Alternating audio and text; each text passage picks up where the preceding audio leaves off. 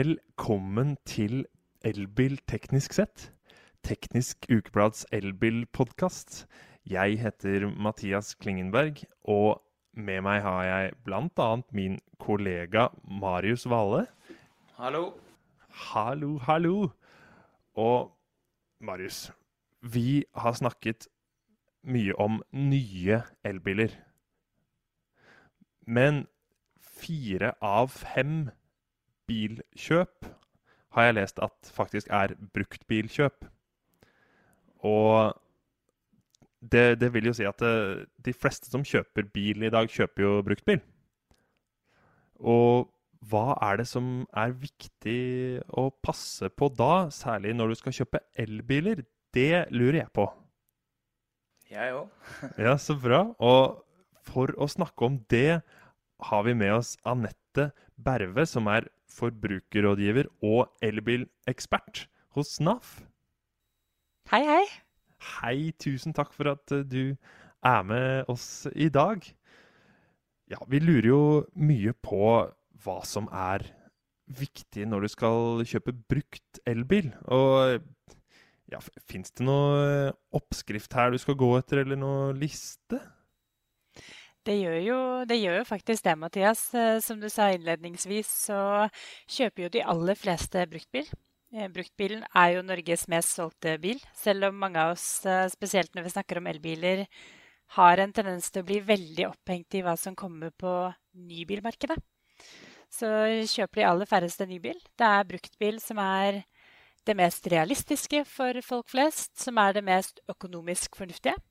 Eh, og nå som elbilen har vært med oss i ja, i hvert fall det man kan si den masseproduserte elbilen har vært med oss i vel ti år, så begynner det faktisk å bli et ganske godt utvalg. Begynner å få oss litt mer erfaringer med elbil. Så man kan gjøre noen ganske gode kjøp der, men det er absolutt et par småting eh, man skal se etter. Noe er unikt for elbilen, mens mye er bare det samme som man må sjekke på en bensin- og dieselbil. Mm. For å ta det som er det samme, da. Da går det på eh, rust og eh, slark og uh, disse, disse, vanlige tingene, ikke sant? Rust og slark og klink. Det er, uh, det er, det det. er selv om elbilen har færre bevegelige deler, så har den jo fortsatt en del deler som trenger, trenger kontroll, trenger vedlikehold. Eh, da er det som du sier, rust er jo en av de tingene det er verdt å sjekke. Eh, hjuloppheng eh, må sjekkes. Eh, bremser kan, eh, kan, ruste. Og så har man også de mer eh, Kall det økonomiske siden av det. Det er greit å sjekke at bilen er fri for heftelser, at servicehistorikken faktisk er, er fulgt opp, og at den er komplett. Eh, så, så, det er absolutt fortsatt en del ting som er likt. Men disse tingene, hvordan, eh, hvordan kan man eh, sjekke dem? Altså, må man løfte opp bilen og, og ta på understellet, eller hvordan, hva gjør man? Ja, det aller, det aller beste er å få bilen inn på et verksted og faktisk få en mekaniker til å løfte den opp på bukken og, og ta en, uh, rett og slett ta en tilstandsrapport. Det er jo noe du f.eks. kan gjøre på et uh, NAF-senter. Uh, hvor du kan få en, en, tilstandsrapport som forteller deg om bilens tekniske tilstand, eh, om eh, diagnose, hvor de gjør en, en diagnosesjekk. Eh, og bl.a. en prøvekjøring. Sjekker servicehistorikk eh, og gjør en del av de eh, vurderingene som Det er det fagkyndig som gjør de vurderingene. Sjekker om det er rust. Eh, sjekker at eh, f.eks. For, for elbilens del at bunnplata er hel og ikke har noen hull. og gjør den sjekken sånn at du, du vet hva du kjøper. Og da kan du få undersøkt de fysiske tingene som man kan se. Eh, også på, på batteriet. Eh, som du sier, at det ikke er hull i bunnplata, det er jo ganske viktig. Men eh, det spørsmålet jeg tipper mange har, er hvordan kan de vite at batteriet er greit? At man ikke kjøper en elbil som eh, går eh, fem mil når den egentlig skal gå 15. Det er jo et veldig godt spørsmål, Marius. For det er, det er jo slik at batteriets helse, batteriets tilstand, avgjøres jo veldig mye av hvordan de tidligere eierne har brukt elbilen. Har de hurtigladet mye? Eh, og da snakker vi gjerne mer enn én en gang i uken. Eh, har de toppladet og utladet eh, elbilen mye? Har de latt bilen stå toppladet lenge uten å kjøre? Dette er ting som gjør at eh, batteriet degraderer fortere. Den, den, den, tilstandsrapporten på batteriet den er det ikke nødvendigvis så enkel å få tak i. Der er det frittstående de, Merkeverkstedene eh, kan gi deg en batteridiagnose og en tilstandsrapport på batteriet for sine merker. Eh, utfordringen er at per i dag så finnes det ikke Og her jeg skal være såpass ydmyk og si at det kan hende at det er kommet et produkt på markedet de siste, eh, den siste korte tiden som jeg ikke er kjent med. Men i det store og det hele så finnes det ikke et godt diagnoseverktøy for det frittstående markedet som gir deg en tilstandsrapport. Eh, det gjøres eh, Altså, du kan få en diagnose en, som gir deg en indikasjon på, på, tilstanden på batteriet, men ikke nødvendigvis eh, faktasvaret. Eh, og rett og slett så finnes ikke det diagnoseverktøyet på det frittstående markedet ennå, fordi at dette er fortsatt en ny teknologi. Så akkurat det med å vite den faktiske tilstanden på batteriet, det er en litt mer komplisert øvelse. Fordi at det egentlig krever at du kjøper bilen fra en, en forhandler. Nettopp. Og det gjør jo det hele kanskje litt skumlere, da. Når du skal eh, kjøpe deg en brukt elbil, at du må stole på at det forrige eier sier om bruken, stemmer. Eh, og forrige eiers, eller selgers, da, eh, inntrykk av hvor langt bilen går. Det blir jo ganske vanskelig for begge parter, egentlig. Det gjør det. For uh, man vet jo ikke om det den andre personen sier er uh, sant, selvfølgelig. Men, uh, men, man kan jo stille et par av de spørsmålene du var inne på da. hvordan har de brukt bilen i hverdagen? Hvordan har lademønsteret deres vært? Hvordan opplever de rekkevidden på de turene de har hatt? Kanskje spørre litt hvor de har de kjørt til og fra noe hytte et sted som er en kjørerute du kan kjenne deg igjen i. Eh, men nei, i det store og det hele så kan du ikke etterprøve det de sier. Men det vi derimot vet, det er jo at eh, batteriet og eh, holdbarheten til batteriet, den er bedre enn det nok de aller fleste kanskje har fryktet. Elbilen, elbil, altså litiumbatteriet, har en, en, bedre holdbarhet. Eh, og absolutt degraderes ikke like raskt som man kanskje trodde da disse bilene kom på markedet i et større volum for en ti år siden. Og skulle et batteri eh, degradert mer enn garantien lover, så er det faktisk mulig å bytte enkeltceller, ikke nødvendigvis en hel batteripakke, som kan uh, sette batteriet uh, Altså kan sette rekkevidden tilbake til iallfall noe nærmere det den var. Så i det store og det hele så er vel egentlig tommelfingerregelen at uh, batteriet holder seg bedre enn man først trodde. Og i det store og det hele så kommer batteriet til å utleve bilen Eh, øvrige deler. Mm. Her er det jo en forskjell på om du kjøper en bil som har gått ut av garanti, og en som kanskje fortsatt er omfattet av en batterigaranti, i hvert fall. Um, så hvis du skal kjøpe en gammel Leaf, f.eks., som er seks, sju, åtte år gammel, så er det kanskje litt mer risikabelt på et vis enn å kjøpe en eh, to år gammel E-tron, f.eks.?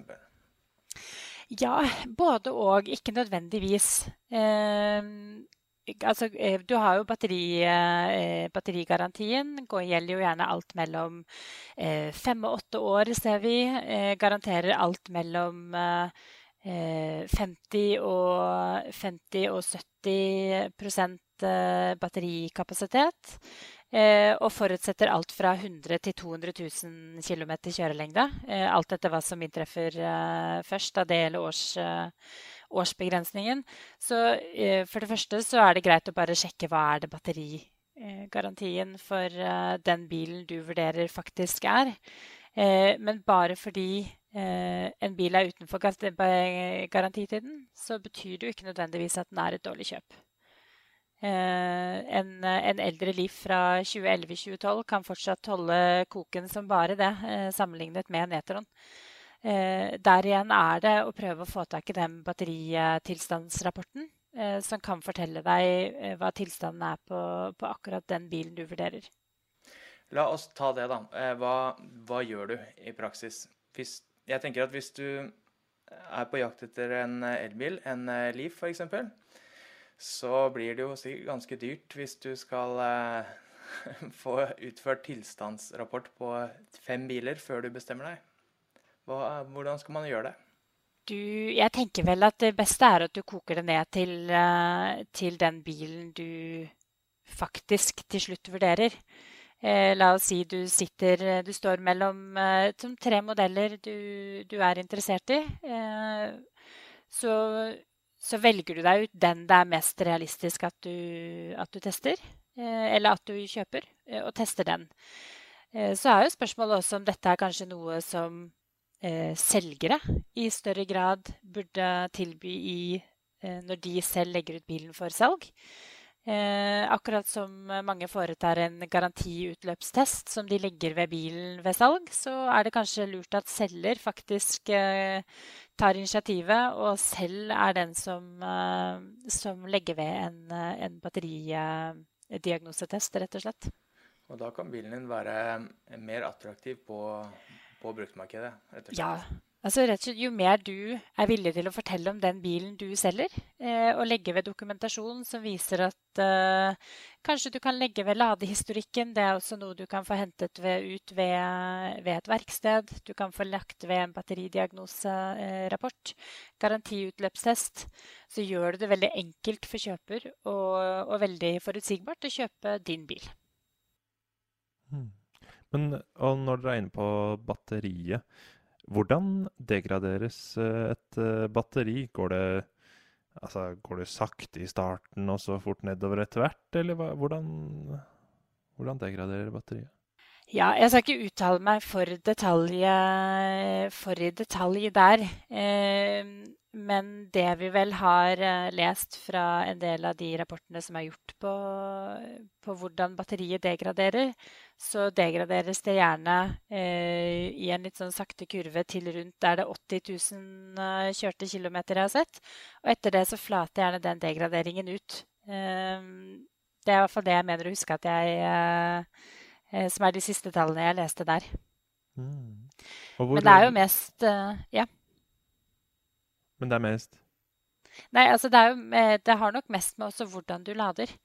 Eh, med som sagt mye, eh, mye, topplading, mye hurtiglading, så sliter det veldig ujevnt. Det sliter på en måte veldig ujevnt på battericellene. Eh, Istedenfor at du får en, en, en, jevnere, ut, eh, en jevnere utlading av de ulike battericellene.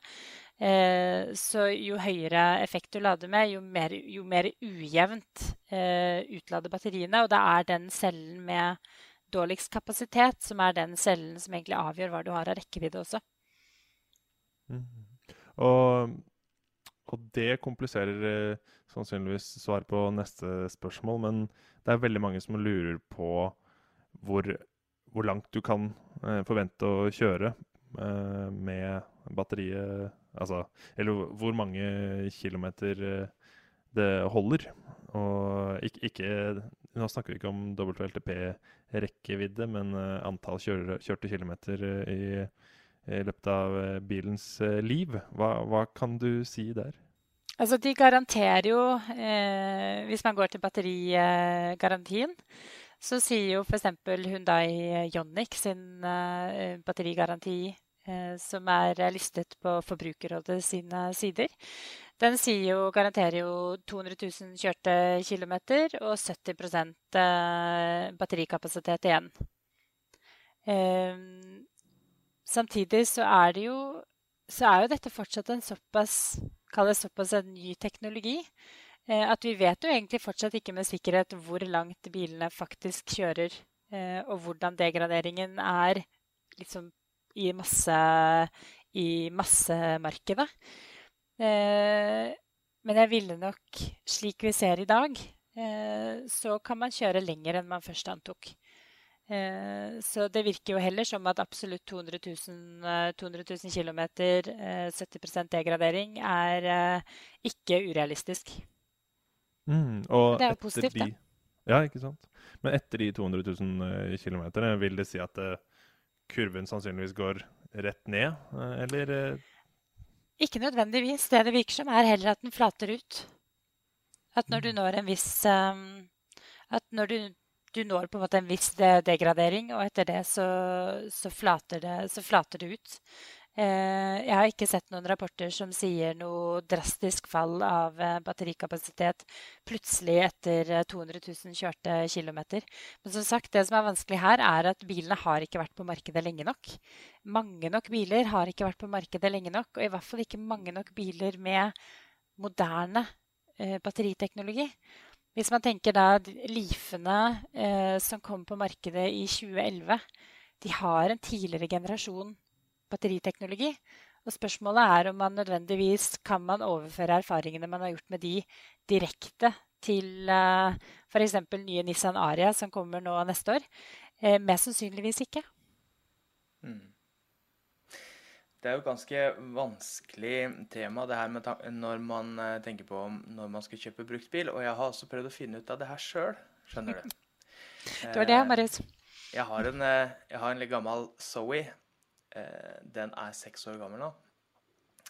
Og her i fjor en gang så tenkte jeg at nei, nå skal jeg finne ut hvor mye dårligere har batteriet blitt siden det var ny.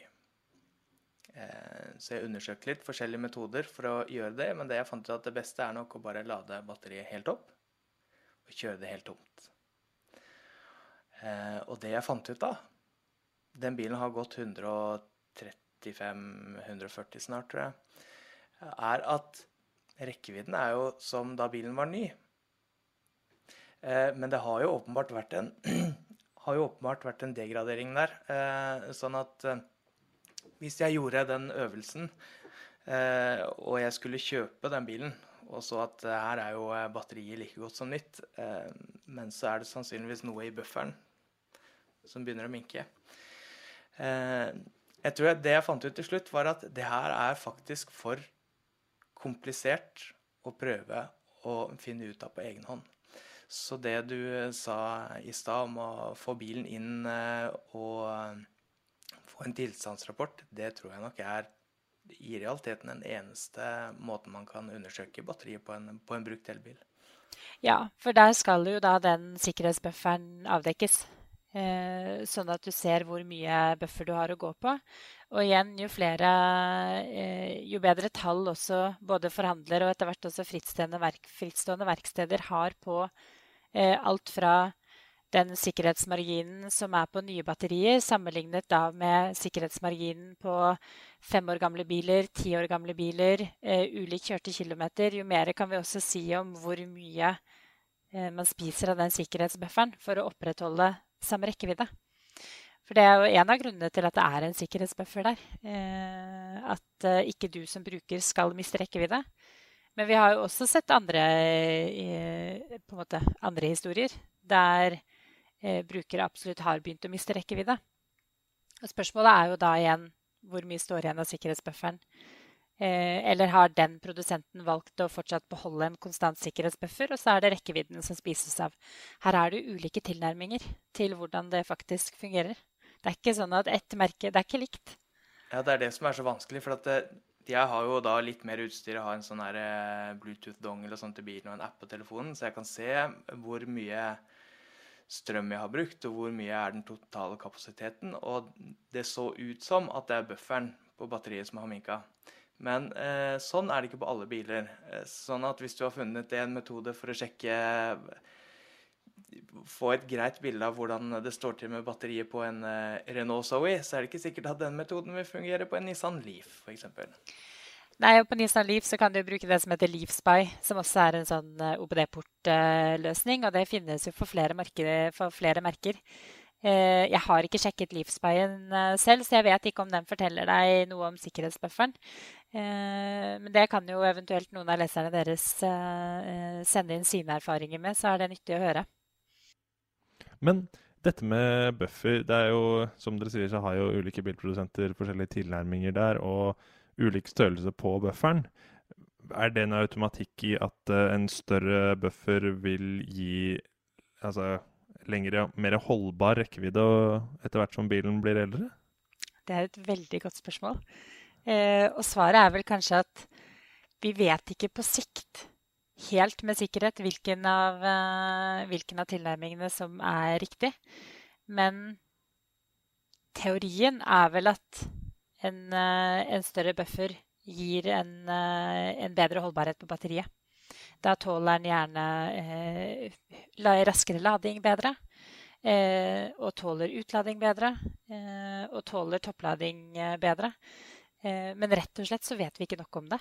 Og det er jo det som er spennende i dette her også, er jo at det er ikke alle bilprodusenter som har lyst til å oppgi bruttokapasiteten på batteriene sine. Eh, det er de aller det er de færreste eh, som ikke oppgir bruttokapasiteten, men de fleste har nok veldig de, Det er mange som kun har lyst til å oppgi Nei, jeg mener motsatt. De oppgir bare nettokapasiteten. Eh, nei, bruttokapasiteten oppgir ikke nettokapasiteten. Eh, og vi mener at de burde kunne gi begge tallene, men det anser de som konkurransesensitiv informasjon. Så de vil ikke oppgi både brutto og netto. Eh, og det har bl.a. vi i NAF gått ut og sagt at det bør de kunne oppgi for å gi forbrukerne mest mulig informasjon om eh, den bilen og den modellen de velger å kjøpe. Litt tilbake til uh, utgangspunktet. Uh, kjøpe brukt elbil. Er det noen uh, faresignaler man bør være oppmerksom på? Hvis du ser dette, så ikke kjøp den bilen. Altså, det jeg har uh, merket meg i en del forumer, er at mange har kjøpt en bruktimportert elbil uh, som de ikke er klar over uh, at har vært bruktimportert. I utgangspunktet så trenger det ikke å være noe negativt å kjøpe en bruktimportert elbil. mange av de bilene har gjerne gått gjennom en forhandler. har gjerne fått en garanti som også da gjelder for det norske markedet, en utvidet garanti. Men det er greit, eh, spesielt på det private markedet, eh, som gjerne har kommet inn eh, De bruktimporterte bilene som har kommet inn gjennom litt andre uoffisielle kanaler. Der ville jeg vært der ville jeg vært litt forsiktig. Det er mange bruktimporterte modeller som overhodet ikke er utstyrt for norske forhold. Hvor vi ser gjerne bruktimporterte biler fra sydligere strøk i Europa som mangler alt fra varmepumpe til eh, batteriisolasjon. Eh, noe så enkelt som mangler DAB. Eh, feil eh, lys, eller ikke feil lys, men en annen lyspakke enn det vi i Norge foretrekker. Eh, det er også bare en, eh, en forskjell mellom svenske biler og norske biler. Så akkurat på bruktmarkedet så ville jeg vært veldig bevisst på at det er veldig mange bruktimporterte modeller. Og at man skal være bevisst på å se på utstyrsnivået på de modellene. Og hvordan finner man ut om den er bruktimportert på en enkel måte? Gjerne så skal det jo være opplyst eh, i annonsen, og da er det greit å bare lese utstyrsnivået litt mer detaljert. Men vi har jo vært borti medlemmer som ikke har fått vite at bilen var bruktimportert, og ikke fant ut det før den kom på verksted. Så igjen, hvis du får levert bilen til, eh, til en, en, rett og slett en sånn tilstands, få en tilstandsrapport, så får du også avdekket tidligere eiere. Uh, og da gjerne også funnet ut opprinnelseslandet. Så det er noe et verksted rett og slett kan hjelpe deg med. Da er det jo greit også å nevne at dette er opplysninger du kan få hos Vegvesenet på nett ved å bare taste inn registreringsnummeret, så står det når bilen første gang ble registrert i Norge. Og hvis det ikke stemmer med første, første registrering, eh, så betyr det at bilen har vært brukt importert. Mm, noe så enkelt som det. Og det, det, er det ikke mange som er klar over. Men det var, en, det var en periode i det norske markedet hvor etterspørselen var mye større enn tilgangen på elbiler. Og da kom det veldig mange biler fra, hovedsakelig fra Tyskland. Og de er helt fint utstyrt. Men vi har også sett alt fra spanske biler til eh, kom biler fra Gibraltar også som eh, manglet eh, SOS, eh, rett og slett SOS-knappen. Eh, E-call-knappen som skal være påkrevd i nyere biler. Så sjekk utstyrslisten, så avdekker man det. Andre ting, ja. Hvis man eh, skulle likevel ta sjansen på å kjøpe en ja, Nå er det jo lett å bruke Leaf som eksempel, i og med at det finnes så mange av den. da. Men f.eks. en Leaf eller en Zoe. Eh, man eh, selger er eh, ikke så interessert i å bruke masse penger på en bil som koster veldig lite penger, på å få en tilstandsrapport, og du er kanskje ikke så interessert i det, du heller. Går det an å få et inntrykk av rekkevidden uten en sånn tilstandsrapport? Ja, Det er jo kanskje ikke nødvendigvis det enkleste å gjøre, men du kan jo spørre om å få låne bilen på en lengre tur. Eh, gjerne kanskje at selger blir med, eh, sånn at du kan få kjørt en lengre tur. Få eh, målt for forbruket, og eventuelt regnet deg frem til, eh, deg frem til eh, hva rekkevidden din eh, vil være. så det er jo faktisk mulig hvis, hvis selger absolutt ikke ønsker å gi deg en tilstandsrapport, så er jo det fullt mulig. Og da uansett så burde du kjøre bilen hvis du vurderer å kjøpe den. Eh, det er eh, kanskje et av de aller viktigste punktene du gjør. Det er å ta deg en god kjøretur i bilen. Sjekk at, den, eh, sjekk at den føles greit. At ikke du merker at bilen drar til den ene siden eller den andre, som kan være en indikasjon på at alt fra hjuloppheng til fjær til uh, ja, diverse må sjekkes. Ellers så er det også de enkle tingene som eh, Ta og sjekk, lade, sjekk ladeluka. sjekk at ikke den ser verken altfor skitten, full av korrosjon, som kan tyde på at her har det vært mye is og snø og søle inne i ladeluka, som fort kan gjøre at ladekontakten er trøblete. Så det er kanskje de liksom veldig synlige punktene som du selv kan, selv kan, sjekke.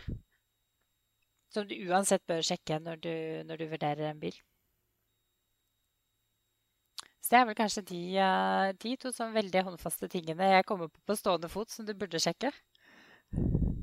Og som du kan sjekke sjæl? Og som du kan sjekke selv. Det er liksom ikke alt du Det er, en, det er en begrensning på hva du kan sjekke selv. Eh, du kan jo selvfølgelig ta oss og legge deg ned eh, og få tatt en titt under bilen. Ha med deg en lommelykt og se om du ser noen synlige, synlige rustskader. Ser du noen synlige bulker i bunnplata?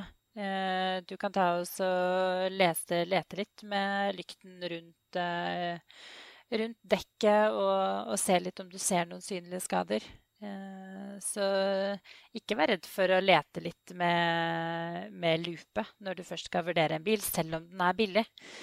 Eh, for en billig bil, bare fordi den er billig, eh, er ikke nødvendigvis noe lurt hvis du står der noen uker senere fordi du ikke tok og dobbeltsjekket eller så litt ekstra godt under bilen.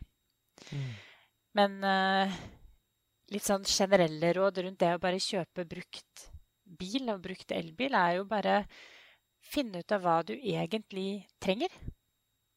Hva er faktisk behovet ditt?